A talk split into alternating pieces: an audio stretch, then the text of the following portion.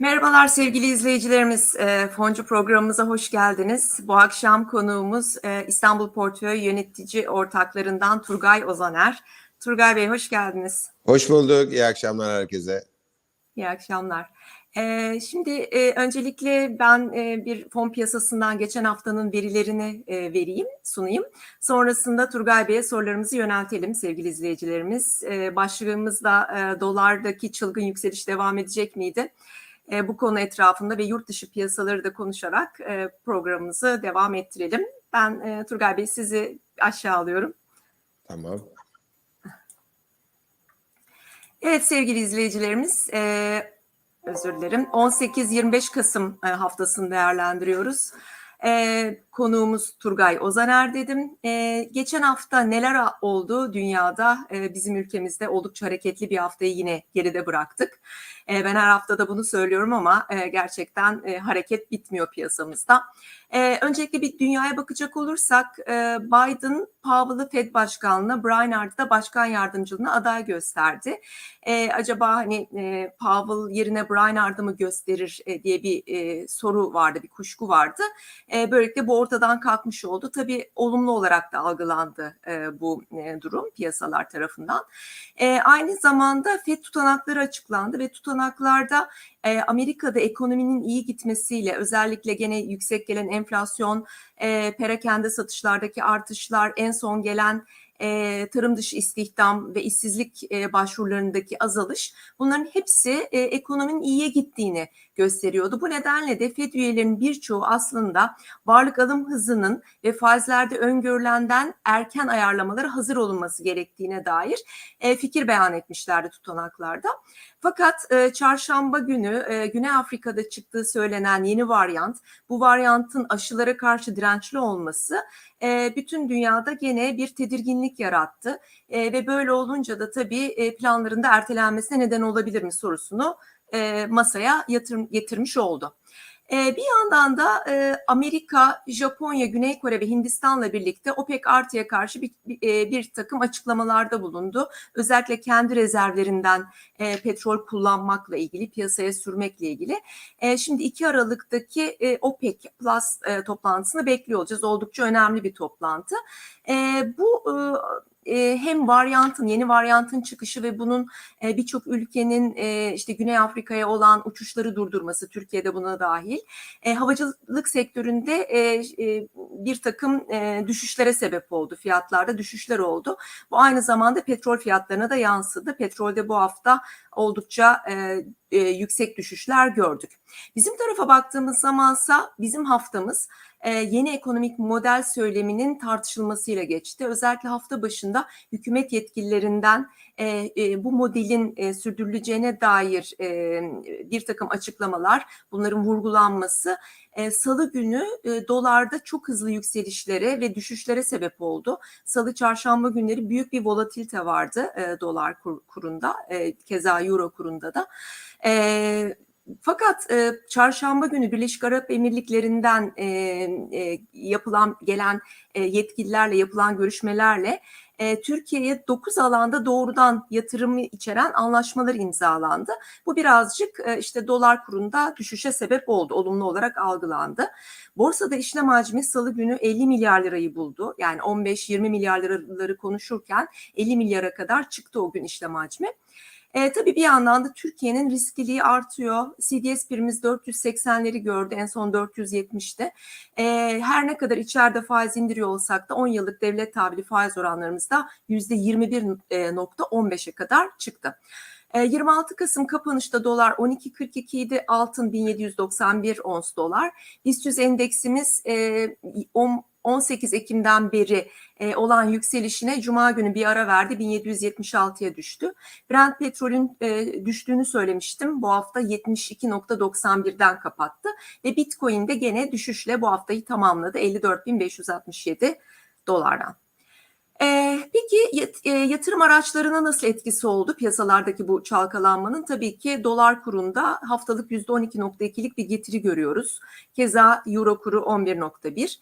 E, gram altın 4.8'lik bir artış kaydetti. Her ne kadar dolar içeride artmış olsa da global piyasalarda ons altın düşmesiyle getirisi kısıtlı kaldı diğer yatırım araçlarına göre. BIST 100 endeksi de %4.7. E, fon türlerinin haftalık ortalama getirilerine baktığımız zaman sevgili izleyicilerimiz tabii dolarla art, e, doların artışıyla birlikte e, dolara e, endeksi birçok yatırım fonunda çok yüksek getiriler görüyoruz. Nedir bunlar? Yabancı fon sepeti fonları, yabancı hisse senedi fonları, Eurobond fonları, e, karma fonlar içlerinde işte yabancı hisse senetlerini barındıran özellikle karma fonlar, altın fonlarında öyle, katılım altın fonlarında bunlarda hep e, yüzde beşin altının yedinin üzerinde getiriler gördük. E, bunun dışında tabii e, faizli e, enstrümanlarda daha kısıtlı düzeyde e, getirileri geçen hafta e, görmüş olduk. Geçen haftanın en çok kazandıran fonlarına baktığımız zaman e, iş portföyün biz teknoloji e, hisse senedi fonu TT'ye %15.3'lük bir haftalık getiriye sahip e, ilk sıradaki fon. Yine iş portföyün emtia yabancı BF fon sepeti fonu TGE 13.8. Ak portföyün petrol yabancı BF fon sepeti fonu 12.8'lik bir getiriye sahip oldu. E, tabii pazartesi baktığımız zaman e, bunlarda düşüşler görebiliriz. E, çünkü bu perşembe kapanışlar sevgili izleyicilerimiz. Q-Invest portföy kira sertifikaları katılım döviz fonu gene dövizin etkisiyle 12.1'lik bir getiriye sahip oldu ve Ak portföyün alternatif enerji yabancı hisse fonu da 11.8'lik 9'luk getiriyle en yüksek 5 fondan biriydi. Yatırımcı sayısı en çok artan fonlar 3. haftadır gene ilk e, bu 3 fonu görmekteyiz. IPJ İş Portföyün Elektrikli Araçlar Karma Fonu yeni 2596 yatırımcı kazandı. Ak Portföyün Yeni Teknoloji Yabancı Hisse Fonu yeni 2457 yatırımcı kazandı ve İş Portföyün Yarı İletken Teknolojileri Değişken Fonu 1938 yeni yatırımcı kazanmış. En çok nakit girişi olan fonlarda Ak Portföy'ün birinci fon sepeti fonu ARL, Yapı Kredi Portföy'ün üçüncü fon sepeti fonu YPV ve İş Portföy'ün IPJ Elektrikli Araçlar Karma Fonu en çok nakit girişi olan fonlar. Bu verilere sevgili izleyicilerimiz her hafta yayınladığımız haftalık bültenimizden de ulaşabilirsiniz. Hatta orada daha kapsamlı e, buradaki sayılardan daha fazla sayıda e, fon verisine ulaşabilirsiniz. Fon analizlerimiz de yer almakta. Eğer bültenimize üye değilseniz iyigelir.net'e mail adresinizi bırakabilirsiniz. E, son olarak da geçen hafta izahnamesi onaylanan fonlara bakalım. E, çok sayıda fon var e, ama çoğu serbest fon, serbest fon özür dilerim. Bir tanesi sadece e, Global Menkul Değerler Portföy birinci fon sepeti fonu. Bunun dışında İspa, İstanbul Portföy'ün Papyrus Serbest Döviz Özel Fonu e, izahnamesi onaylanan fon. Ünlü Portföy'ün iki fonu Zümrüt Hisse Senedi Serbest Özel Fon ve Haskar Serbest Özel Fon onay almış. Ziraat Portföy'den bir serbest döviz özel fon var ve dört tane de garanti portföyün gene serbest fonları SPK'dan izin almışlar. Evet, e, fon dünyasından kısaca başlıklar böyleydi. Ben şimdi e, Turgay Bey'e dönmek istiyorum. E, bizim başlığımız da, e, duyuru başlığımız da dövizdeki bu Şu anda herkesin sor- sorduğu soru bütün dört Evet. gündür, beş gündür aynı soruyu e, herkes soruyu soruyor. herkes. Ne Evet. olur, dolar ne olur, euro ne olur, dolar ne olur? E, yani dönem dönem biz bu soruyu yaşıyoruz. 2018'de bu soruyu yaşadık. Daha önce 2013'te yaşamıştık. 2008'de e, bu şirket yoktu ama yine finans piyasasının içinde olduğumuz için yine aynı soru vardı. Maalesef Türkiye'nin böyle bir problemi var. Çünkü e, döviz tevdiat hesaplarının yani e, daha doğrusu mevduattaki e, paraların yüzde 54 yüzde 55'i e, döviz e, tevdiat mevduatında olunca maalesef insanlar e, gerçekten doların ne olacağını çok merak ediyorlar. Valla şöyle şimdi e, yeni bir e, Türkiye'de yeni bir dediğiniz gibi ekonomik model var. Yani bu modelde yeni, Türkiye'nin yeni normali de bundan sonra şöyle olacak. Ee, insanların, yatırımcıların ve bütün insanların, iş insanlarının yani şirketi olanların, ihracat yapanların, ithalat yapanların, kim olursa reel sektör olsun veya bizler gibi finans sektöründeki olan insanlar ol- olsun şuna alışmamız lazım.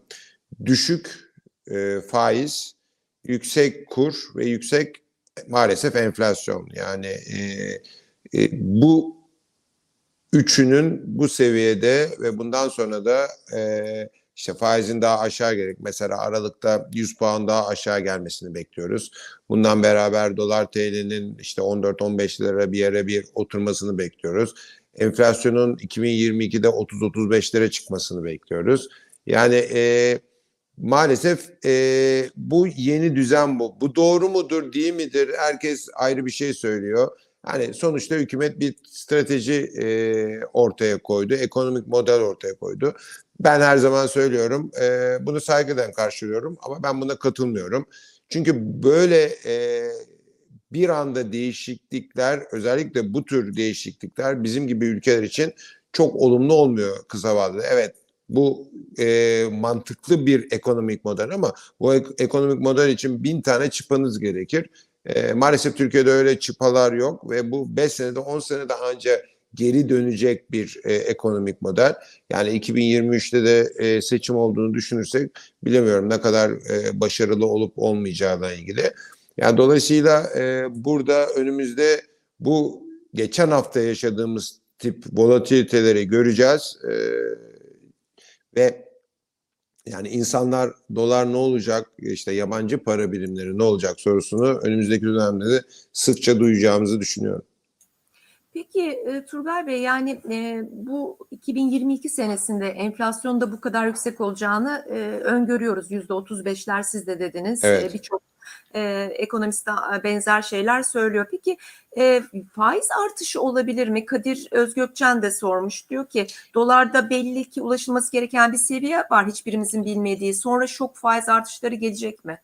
diye Şimdi sormuş. şöyle e, ben bunun olmayacağını düşünüyorum. Zaten ondan dolayıdır ki demin söylediğimin arkasındayım. Yani önümüzdeki dönem biz bunları yaşayacağız. Çünkü şöyle bir şey oldu. E, 2018'de de bu modeli denemişlerdi ama bu modelde şöyle bir e, problem vardı. İşte 128 milyar dolar, 140 milyar ne kadar bir Merkez Bankası döviz dö- e, döviz rezervlerini tamamıyla doları tutmak için e, maalesef harcadık. Şimdi durum öyle değil. Zaten harcayacak bir dövizimiz yok.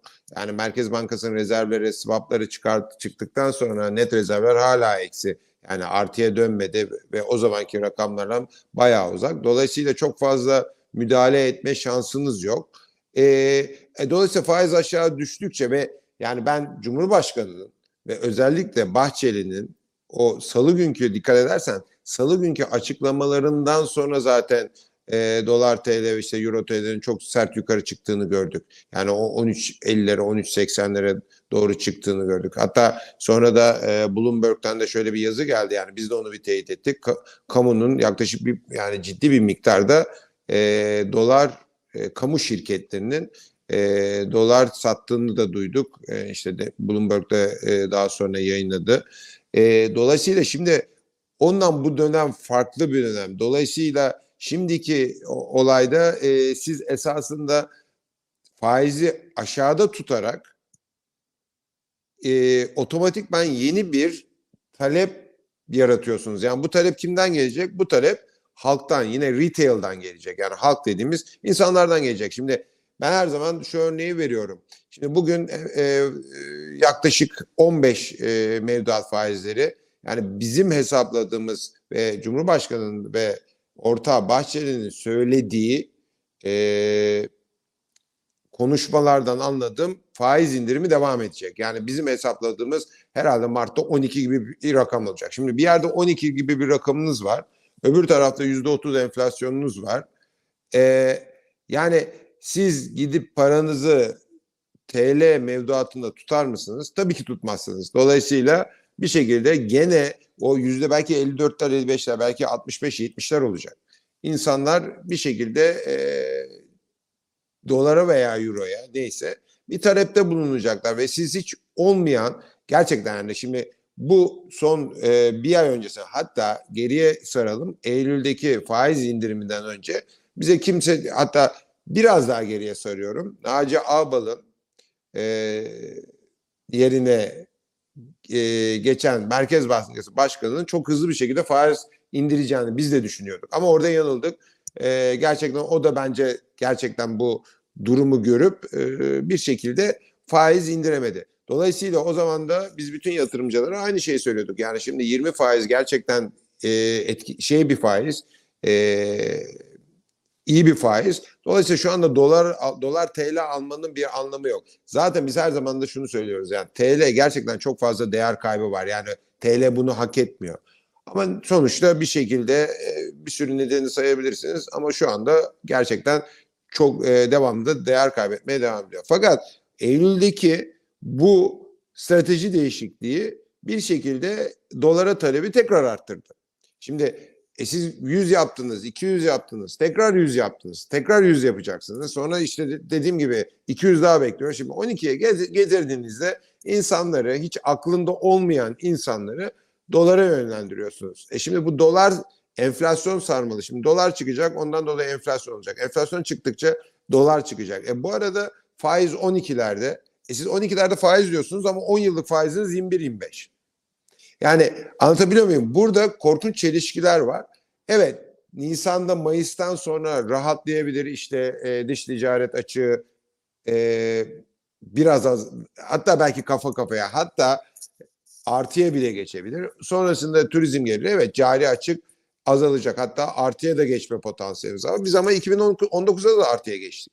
Şimdi bu sürdürülebilir. Ne olacak? Önümüzdeki dönem bu sefer enflasyon sarmalına gireceğiz. Kur yukarı gittikçe enflasyon yukarı gidecek. Siz istediğiniz kadar cari açık veya cari fazla alın. Çok önemli değil. Yani sonuçta bu dediğim gibi 3 ayda, 4 ayda, 6 ayda sonlandırılacak bir şey değil. Bu gibi programlar 3 yıllık, 5 yıllık hatta ben size çok enteresan bir şey söyleyeyim. Ciddi bir e, yurt dışından, yani IMF demiyorum, yurt dışından ciddi bir döviz çıpanız olması lazım. Yani çok ciddi bir döviz rezerviniz olması lazım. Bunlar yokken e, sırf swap'la döviz rezervimizi yukarı tutmak bu gibi ekonomik e, stratejilerde çok işe yaramayabilir ki bence de yaramayacak. Dolayısıyla önümüzdeki dönem e, böyle olacağını düşünüyoruz ve ona göre yani yatırımcıları biz veya çevremizdeki insanları bizim bizim senaryomuzun böyle olduğunu söylüyoruz ama haklı mıyız haklı mısınız biz zaman gösterecek yani önümüzdeki dönem kim haklı kim haksız onu göreceğiz. Göreceğiz, evet. Muharrem Kahraman, e, yerli ve yabancı fonlarda çok satış gelecek diyorlar. E, siz ne düşünüyorsunuz diye sormuş Muharrem. Sadece Türkiye'de mi yurt dışında mı? Herhalde Türkiye ve yurt dışı, yerli ve yabancı herhalde hisse fonlarını kastediyor. Şimdi şöyle tabii e, şey dünyada olaya şöyle bakmak lazım. Yani parasal gevşeme bu Covid'den dolayı gerçekten bence e, ciddi şekilde dünyadaki o risk iştahını geçmişteki iki sene korkunç arttırdı ve dolayısıyla insanlar e, özellikle yurt dışından bahsediyorum. E, baktığınızda endekslere hepsi e, all time high en yüksek seviyelerde ve insanlar ciddi paralar kazandılar. Dolayısıyla bir şekilde bir neden arayıp bir e, bu enflasyonist baskı olabilir. Ondan dolayı faizlerin aşağı Amerikan faizlerinin yukarı gitmesi olabilir. Fed'in faiz arttırması olabilir. İşte yeni bir varyant olabilir. Veya işte bir e, Rusya'nın Ukrayna işte ne diyorlar böyle bir e, bütün e, piyasalarda bu konuşuyor. İşte Rusya Ukrayna'ya e, Ocak 2022'de ilhak etmeye çalışacak. Yani böyle bir sosyopolitik bir problem olabilir. Yani bir şekilde bir neden aranacak. Dolayısıyla bu bu normal yani cuma günkü yurt dışındaki hatta bence pazartesi salı bile bu devam edebilir. Bu bir düzeltme olarak görüyorum. Yani para daha hala para bu e, genişleme politikaları tam anlamıyla bitmediği için ben kısa vadede o kadar çok paranın hızlı bir şekilde fonlardan çekileceğini çok düşünmüyorum. Çünkü maalesef şunu düşünmek lazım. Yani para oradan çekildiğinde gidebilecek çok bir yeri yok. Ta ki faizler Amerika'da faizler 3'ler, 4'ler, 5'ler olur. Enflasyon da o seviyelerde olur. O zaman ancak hisse senedinden para çekilir. Bugün bakıyorsunuz hala Amerika'da 1.60'lar mı? En son bakmadım. 10 yıllık faizler 1.60. Hani enflasyonunuz 6 çıkıyor hala sizin 10 yıllık faiziniz 1.60. Yani dolayısıyla e, gerçekten o reaksiyonu hala yatırımcı ve e, sadece e, retail olarak bireysel yatırımcılar değil özellikle kurumlar da işte portföy yönetim şirketleri de tam net göstermiş değil. O öne, önümüzdeki dönem e, yani o e, Muharrem Bey doğru söylüyor olabilir ama bunun ne zaman olacağıyla ilgili e, benim kafamda ciddi soru işaretleri var. Kısa vadede olur mu olmaz mı? Ben çok zannetmiyorum ama orta ve uzun vadede bu özellikle genişlemeden dolayı bir yaratılan balonun patlayacağına eminim. Ama bunun zamanlaması çok önemli. Ama şu anda kısa vadede onu görmüyorum. Evet. Peki e, Turgay Bey az evvel siz de söylediniz e, 10 yıllıklar e, işte 21, 15, 20, 21, 25'lere kadar geldi. E, faizler düşürülürken yani indirilirken e, bizim tahvillerimizin e, faizleri yükseliyor bir yandan uzun vadeler özellikle. Caner Can bir de aslında bunu so- soruyor. Diyor ki faizler düşüyor ama tahviller TL bazlı olanlar zarar ediyor. Nedendir acaba? E, Diyor. çünkü şu anda yani bunun iki nedeni var. Bir demin söylediğim gibi yabancı yatırımcı bundan rahatsız olup o yüzden satışa geçiyor. Bu bir. Yerli yatırımcı için de aynı şey geçerli. Ya yerli yatırımcı da şu faizlerin düştüğü ortamda 10 yıllık bonoları yani çünkü siz bakıyorsunuz bir yandan şimdi bu bonolarda özellikle bireysel yatırımcılarda yoktur 10 yıllık bono. Genelde e, kurumlarda vardır. Onlar da dolara dolar karşısında böyle bir e, çapraz bir e, şey yaparlar. E, ne denir ona? Bir hesaplama yaparlar. Dolayısıyla siz dolar yukarı gittiğinde genelde e, 10 yıllık faizler de yukarı gider. Çünkü satış yerler. Satmak zorunda kalırlar ve satış yerler. Dolayısıyla burada tabii bir 10 yıllıkta en önemli şey şunu da unutmayın. Güvendir. Yani siz bugün 10 yıllık bono alıyorsanız ekonomi yönetimine 10 yıllık bir güveninizi olması lazım ki. Ama şu anda maalesef ekonomiye, ekonomi ekibine çok fazla güven olmadığı için ilk o satışıyor. İki yıllıklar da zannedersem e, çok şeyde değil. Yani bu, bu seviyelerde değil. Dolayısıyla bu gayet normal. Bu böyle de devam edecektir. Yani hatta e, geçen gün ortağım Tufan'la konuşuyorduk. Yani 21-25 oldu. Ama şunu unutmayın enflasyon 30-35 olacağını düşünüyorsanız 10 yıllık bonolarında 25-26 olması kaçınılmaz. Yani. Öyle düşünmek lazım. Yani bu Oralara tamamen biraz da hem demin söylediğim biraz e, bankaların veya işte yabancıların e, hesaplamasıyla ilgili biraz da enflasyon beklentisiyle ilgili. Peki buradaki sorulardan e, bağımsız olarak ben şey de merak ediyorum sizin bu yeni varyantla ilgili görüşünüzü. Hani e, acaba FED e, bu varlık alımlarını birazcık daha hızlandırmaktan bu yeni varyant sebebiyle vazgeçer mi? Yani şimdiye kadar bir sürü varyant çıktı ama bu kadar hani endişe verici Şimdi olanı galiba almamış. Ben şunu anlamadım Serhan. Yani ben yanlış hatırlamıyorsam Nu varyantı Temmuz ve Ağustos'ta da vardı. Hatta ben bir tane gazete küpürü çok net hatırlıyorum yazısı. İzmir'de işte Nu varyantı çıktı diye böyle bir yazı dahi görmüştüm. Yani belki yanlış hatırlıyorum, belki de değildir. Dolayısıyla Nu varyantı zaten vardı. E bir anda şimdi Güney Afrika'da bu çıkıp bütün her yerde böyle bir e, şey olunca e, bir panik havası olunca e, dolayısıyla mesela e, Amerika'nın ikinci faiz arttırımı 2023'e kaydı beklentileri. Yani cuma günkü olan olaydan bahsediyorum size. Şimdi tabii ki eğer bu varyant çok etkiliyse aşıları e, bypass edebiliyorsa e, ben de sizin şuna katılıyorum. Yani 2022'de faiz artışı olmaz. İşte varlık alımlarının da e, biraz daha yavaşlar o. 2022'nin sonuna kadar belki de devam eder. Ama şu anda çok erken. Yani ben şimdi bugün bir sürü e, şeyi de okudum. Hem yerli hem yabancı. Şu anda hiçbir şey belli değil. Yani bu varyantın aşılara dediğim gibi bypass edebiliyor mu, hızlı mı veya ölümcül mü veya e, ne olduğu belli değil. Dolayısıyla bence şu an için konuşmak çok erken. Ama yine demin söyledim. Bu bir e, fırsat. Ne fırsatı? Kar realizasyon fırsatı. Zaten ben kârdayım. Adam %50, %60 kar etmiş, %70 kar, belki %100 kar etmiş. Yani bu kriptolar için de geçerli. Bütün risk iştahının yüksek olduğu her şey için, hisse senetleri için de geçerli.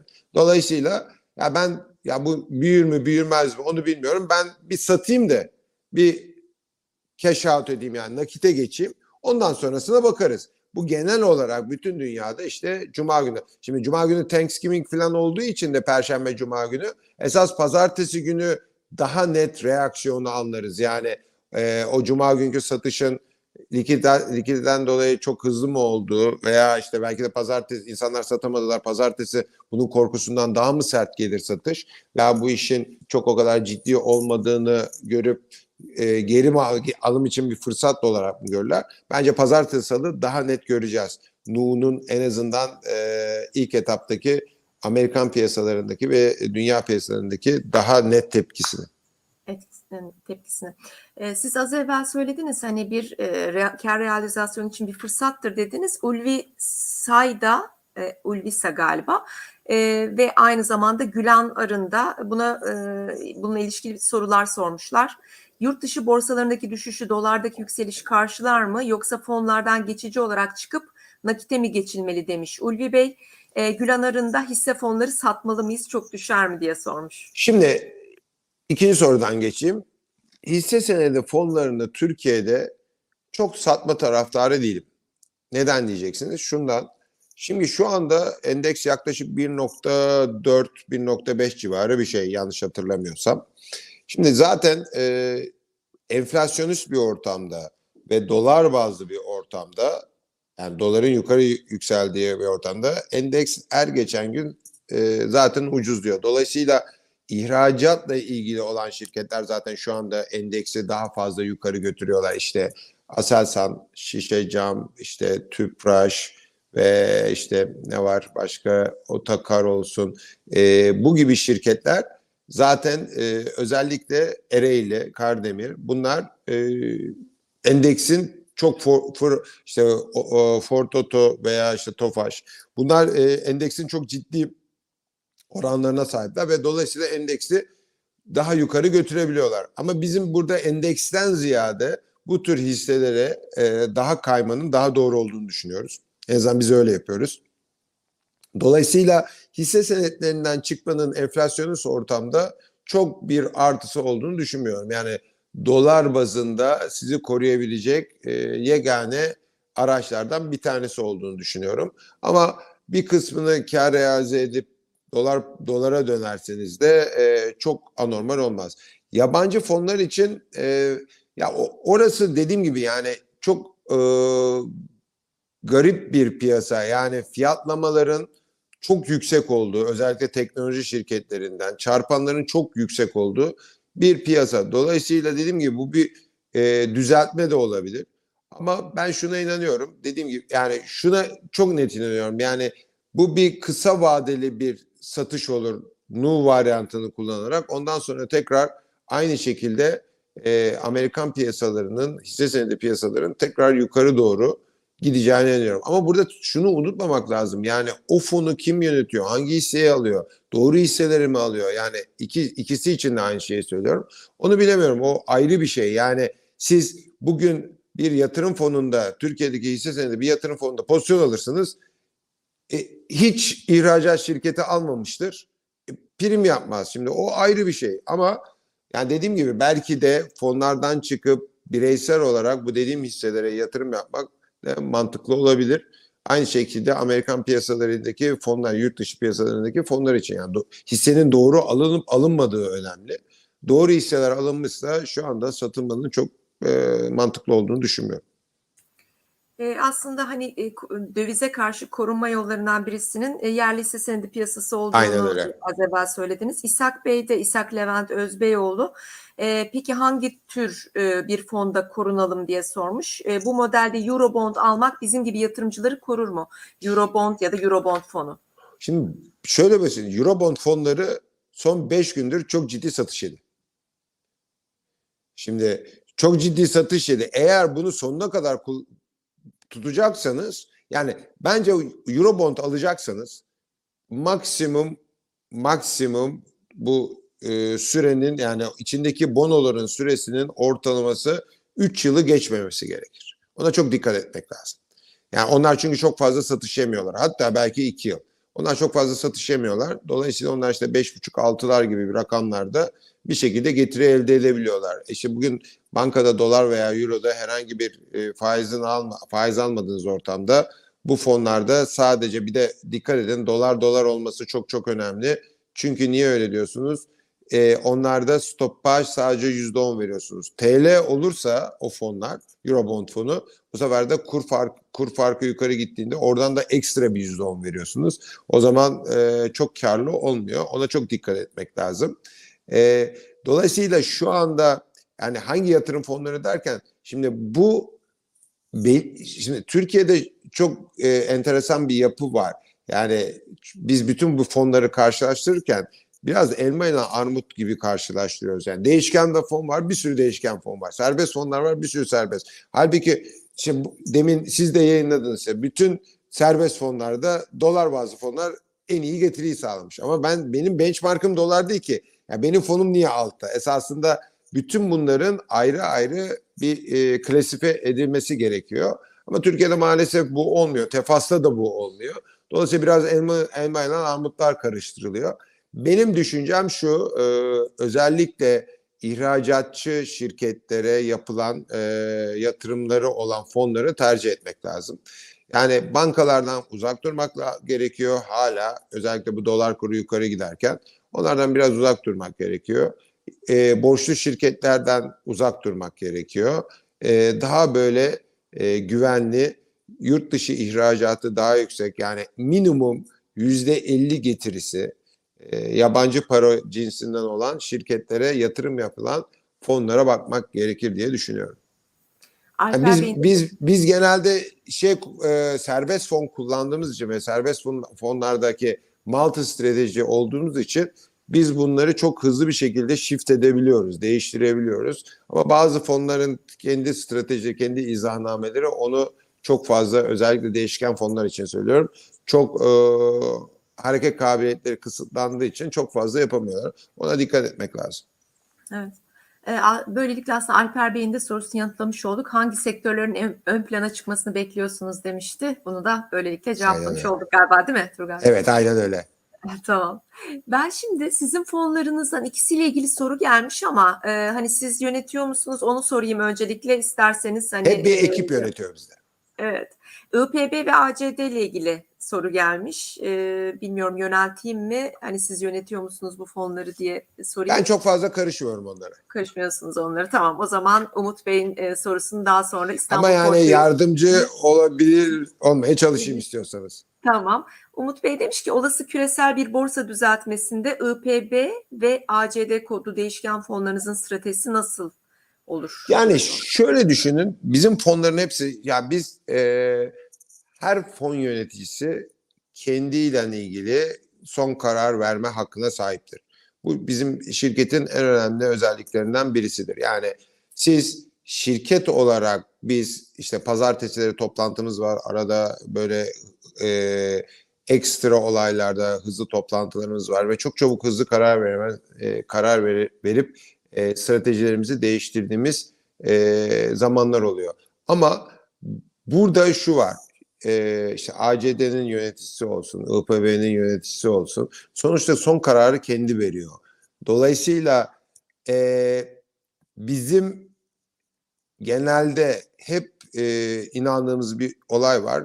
Tek taraflı yani long only olmayalım. Yani tek taraflı olmayalım. Hep multi strateji olmaya çalışalım. Çünkü Türkiye'deki e, yatırımcılar mutlak değer e, getirilerinden hoşlanıyorlar. Yani işte mesela bizim bir yabancı fonumuz var, e, yabancı bir müşterimiz var. E, belki biliyorsunuzdur. Mesela onların bir benchmark'ı var. Onlar onu geçmeye çalışıyorlar. Yani onlarda hiçbir zaman böyle bir faiz veya şey dolar falan bilmem ne bu gibi şeyler yok. Yani hisse senedinde kendi bir benchmarkları var hisse senetlerini yarattıkları siz onu geçmeye çalışıyorsunuz. Şimdi bizim diğer fonların hemen hemen hepsinde amacımız müşteriye mutlak getiri elde etmek. Yatırımcımıza mutlak getiri. Yani ben şunu yapamam yani e, endeks bazında bir benchmarkınız var. Endeks %30 düştü. Siz %10 düştünüz. Arada %20'den %20, %4 almak isteseniz yatırımcı kalpten gider herhalde. Muhtemelen öyle olur yani.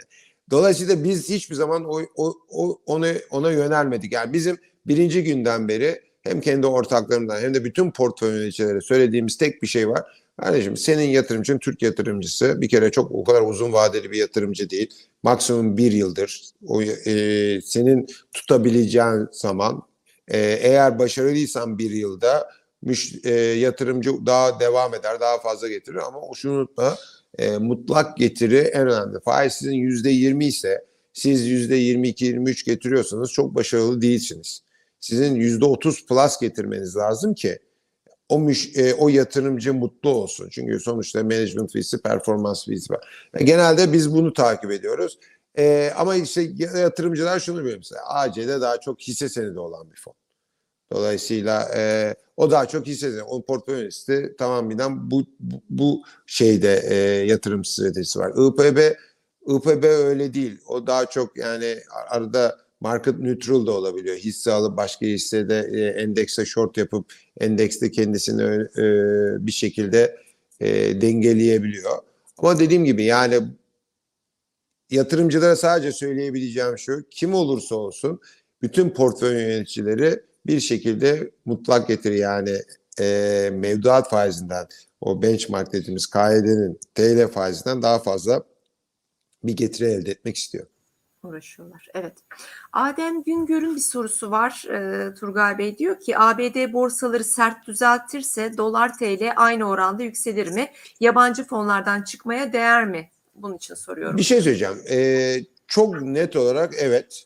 Çünkü ABD borsalarının gerilemesi, sert gerilemesi sonuçta risk iştahını dünyada bir şekilde azaltır. E, risk iştahının azaltılması demek Türkiye'de hisse senedi pozisyonu olan yani son yaklaşık 3-4 aydır e, yaklaşık 1 milyar dolara yakın bir yabancının ilgisi var. Sonuçta oradan bir satış gelir. E, yerli yatırımcı risk iştahın azaldığı yerde yabancı paraya döner. Londra'da swap'tan borçlanıp Türkiye'de e, pozisyon alıp e, e, dolar TL pozisyonu alabilecek yatırımcılar olur. Yani sadece Türkiye açısından değil bütün gelişmekte olan piyasalarda işte o e, bir şekilde ETF'ler diyelim veya işte program trading diyelim. Sadece Türkiye değil bütün dünyada Amerika piyasasının böyle çok ciddi satış yerli ortamlarda dikkat edin bütün gelişmekte olan piyasaların paraları da değer kaybetmeye başlar. Gayet normal olabilir. Dolayısıyla yabancı hisse senedinden çık bak o fonlardan çık bak ben şu anda o öyle bir risk görmüyorum. Geçici olarak belki bir aylık bir risk olabilir. Tamamen bu varyantla alakalı ama varyanttaki olay biraz iyice kızışırsa e, daha sert satışlar gelme olasılığı var. Dediğim gibi yani sonuçta e, herkes çok ciddi karda bir şekilde karı realize etmek isteyebilir. Peki çok teşekkür ederiz e, Turgay Bey. Aziz Bey'in bir sorusu var. E, Aziz Erdan diyor ki özellikle yabancı borsaların çok şiştiği söylentisi, tapering yapılması gibi durumlarda pozitif ayrışacak fonlar olur mu? E, biraz temalı e, şeyleri soruyor. Yenilenebilir enerji, elektrikli araçlar gibi. Ee, olabilir tabii ki yani sonuçta e, genelde şöyle olmuyor. Dediğiniz gibi bir yerden bir yere bir geçiş oluyor. Yani teknoloji hisselerinden normal e, daha e, defensive dediğimiz korumalı şirketlere bir dönüş olabilir. Şimdi Amerika'da bir buçuk trilyonluk altyapı mesela bir e, bütçesi kabul edildi. Onları kimler yapacak? O şirketlere bakılabilir. E, dediğiniz gibi elektrikli araçlar, çip üreticileri, e, bunun gibi şirketlerde bir, bir yandan e, prim yapabilir. Ama bunların hepsi dediğim gibi şimdi Amerikan piyasaları, Amerikan hisse senedi, Türkiye'deki hisse senedi gibi oraya yaptığınız yatırım 3 sene, 5 senede minimum tutmanız gerekiyor. Yani e, gerçekten anlamlı bir e, para kazanmanız için. Yani bizim Türkiye'de bir anda bir orada da volatilite var tabii ki. Orada da spekülatif hisseler var. Ama Türkiye'de genelde bütün hisselerde o volatilite olduğu için yani blue chip dediğimiz Ereğli'de de oluyor, Koç Holding'de de oluyor. İşte small mid cap dediğimiz ismini vermeyeceğim işte bir tane 20 milyon 50 milyon dolarlık şirkette de oluyor. Dolayısıyla Amerika'da da e, o büyük blue chipler e, biraz daha savunma e, amaçlı oldukları için oradan oraya bir geçiş olabilir. Eğer bu sizin dediğiniz gerçekten çok ciddi düşüşler olursa ona dikkat etmek lazım. Bu işten en fazla kim zarar görür? Teknoloji hisseleri zarar görür. Çünkü onlar çok ciddi yani kusura bakmayın bu söyleyeceğim ama saçma sapan çarpanlarla işlem görüyorlar. Yani bu son 3-2 senedir e, parasal gevşemenin, parasal genişlemenin etkisiyle yani bir Tesla örneğini verirsem tamam çok iyi şirket olabilir o olabilir ama şu anda korku ya bugün bir Tesla'dan 5 tane BMW'yi alıyorsunuz işte yanına Mercedes koyuyorsunuz yanına işte Ford'u koyuyorsunuz hepsinin market cap'i bir Tesla etmiyor. E şimdi bunlar da fiyatlamalar çok doğru değil yani Tesla iyi bir şirket olabilir ama belki 20 sene sonra onların hepsinden daha iyi bir şirket olacak. Dolayısıyla biraz teknoloji şirketlerinde maalesef çok ciddi e, olmayacak bir e, over fiyatlama var. Yani ciddi bir şekilde e, e, yüksek fiyatlama var. Onlara çok yani teknoloji bu gibi satışlarda teknoloji şirketlerin çok daha ağır bir satış yiyeceğine inanıyorum. Peki. E, Ben size bir su molası vereyim. O arada ben bir duyuru yapayım e, Turgay Tamam. Bey. E, bizim e, önümüzdeki hafta Cumartesi akşamı 4 Aralık'ta yatırım fonları ile ilgili temel düzey bir eğitimimiz olacak sevgili izleyicilerimiz. E, fonlarla yeni ilgilenmeye başladıysanız eğer bilgi düzeyinizin yetersiz olduğunu düşünüyorsanız eğitimimizle ilgili linki şimdi aşağıda geçiyorlar arkadaşlarımız. E, ben e, bir de sizden e, son iki soru diyorum. Tamam. Emtialarla ilgili kıymetli maden, altın, gümüş ve işte sanayi emtiaları, tarım emtiaları ile ilgili önümüzdeki dönem için görüşlerinizi alabilir miyim? Evet, 2020? o bence bence esasında bütün bu konuştuklarımızı Türkiye'de dahil buna bence e, gidişatı belirleyecek en önemli e, madde olarak görüyorum. Yani çünkü şimdi e, dünyadaki enflasyonist ortamın en büyük nedenlerinden biri tedarik zincirlerinin bir şekilde hala o problemin çözülememesi ve bundan dolayı da bu arz e, problemlerinin bir şekilde e, hala çözülememesi. Hala demir çelikteki işte çimentodaki veya işte e, petroldeki, enerjideki, kömürdeki, işte kütükteki, mobilyadaki e, her, her şeyde olduğu gibi inanılmaz bir arzda problem var. Tedarik zincirinde problem var. Şimdi raporların bazıları 2022'nin ortasında bunun bayağı çözüleceğini işte çip örneği olsun çözüleceğini söylüyor. Ee, eğer şimdi bence burada iki şeye bakmak lazım. Bir, yeni varyantın ne kadar etkili olacağını. İki, aşılamanın hızının daha ne kadar etkili olacağı ve daha önce işte BioNTech, Moderna olsun işte veya diğer aşıların bu varyanta karşı ne kadar etkili olacağının görülmesi lazım. O da bence bir ay içinde yani ocağın ortası en geç ocağın sonunda bence 3 aşağı 5 yukarı bu iş belli olur. Eğer negatif bir e, reaksiyon varsa yani bu varyant bütün bunları elimine ediyor ve yepyeni bir buçuk sene önceye dönüyorsak o zaman maalesef bütün emtialar yükselmeye çok ciddi şekilde devam edecek. Ancak eğer bu bir e, yanlış alarmsa ki inşallah öyledir. İşte e, Mart'tan sonra emtia fiyatlarında belki Mart Nisan'dan sonra emtia fiyatlarında ciddi düşüşler göreceğiz. O da zaten e, enflasyonun herkesin FED dahil, ECB dahil, dünyadaki bütün merkez bankaları işte ekonomistler, herkes e, iyimser düşünen herkesin e, düşündüğü gibi bir şekilde enflasyonu da etkileyecek, olumlu aşağı yönlü olumlu etkileyecek bir e, reaksiyon olacak. Dolayısıyla onu takip etmek lazım. E, bu varyantı takip etmek lazım. Varyantın etkilerini takip etmek lazım. Aşılamanı takip etmek lazım. Yani ülkelerin kapanmalarını takip etmek lazım. Yani maalesef hani bugünden yarına size böyle bir şey söylemem mümkün değil. Çünkü üç gün sonra varyantın etkisinin ne olacağını ben de bilmiyorum. Bence dünyada da kimse de bilmiyor. Yani bugün zaten bir açar yurt içi yurt dışındaki yazıları okuduğunuz zaman zaten şunu görüyorsunuz. Hiç kimse bir şey bilmiyor yani. Dolayısıyla herkes diyor bir şey olursa şunu yaparız, bir şey olursa şunu yaparız. Herkes bir teyakkuzda ama net bir karar veremiyorlar. Dolayısıyla yeni bir varyant çıkmadığı sürece veya çıkıp da çok etkili olmadığı sürece ben Mart'tan Nisan'dan sonra emtia fiyatlarında ciddi bir gerileme yani balon belki bu iş balon değildi ama ciddi bir gerileme yaşayacağını ama 2019'daki seviyelere kolay kolay uzun senelere gelmeyeceğini düşünüyorum. Peki şimdi son sorumuza geçeyim. En kritik soru e, Nur Kara Aytu ve Hasan Hüseyin Altun'un e, soruları. Ne yapalım biz diye soruyorlar. Bu fırtınada küçük yatırımcı ne yapmalı? Mevduatta kaldım diyor Nur Hanım. Maalesef mevduatta kalmış. Hasan Hüseyin Altunda diyor ki e, dolara geçiş 12-13 TL bandında yapılmalı mı yoksa 11 TL gevşemesi gerçekleşir mi? Biraz kurs kur Ben e, o, o- ben şöyle 11 gevşemesinin gerçekleşeceğine çok inanmıyorum. Geçen gün böyle bir 11.60'lar falan oldu ama hemen hemen oradan 12'nin üstüne attı. Bence 12'nin altında dolar pozisyonu alıyor yani. Mevduat TL, TL'deki mevduat gerçekten dolara geçebilir. Yani bu bunu söylemek çok istemiyorum ama yani özellikle e, o 12 faiz hedefi varsa yani doların dolar TL'nin de 15'ten aşağıda o faiz ortamında 15'ten aşağı olma şansının olmadığını düşünüyorum. Yani anlattım işte e, programın başında da. Yani siz 12 faizle enflasyonun %30 olduğu 28 negatif reel getirinin olduğu bir yerde TL'de kalır mısınız? Yani o kendi tabii risk anlayışınıza bağlı ama ben kimseye böyle bir e, e, öneride bulunamam yani. Hani dola, dolayısıyla 12 seviyelerinde alçağa geldiğinde bir şekilde almak lazım.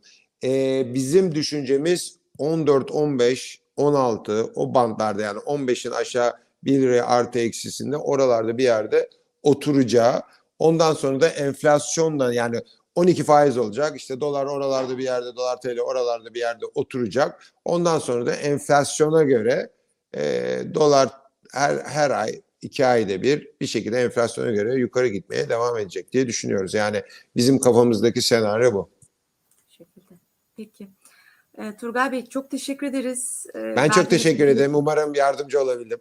Hem de nasıl. Çok teşekkür ederiz. Çok çok sağ olun vakit ayırdığınız için. Herkese Sevgili- iyi pazarlar tekrar, İyi iyi haftalar aynı zamanda. İyi haftalar, bol kazançlar sevgili izleyicilerimiz. Çarşamba akşamı fon sohbetlerinde görüşmek üzere. Hoşçakalın. Bay bay. Hoşçakalın.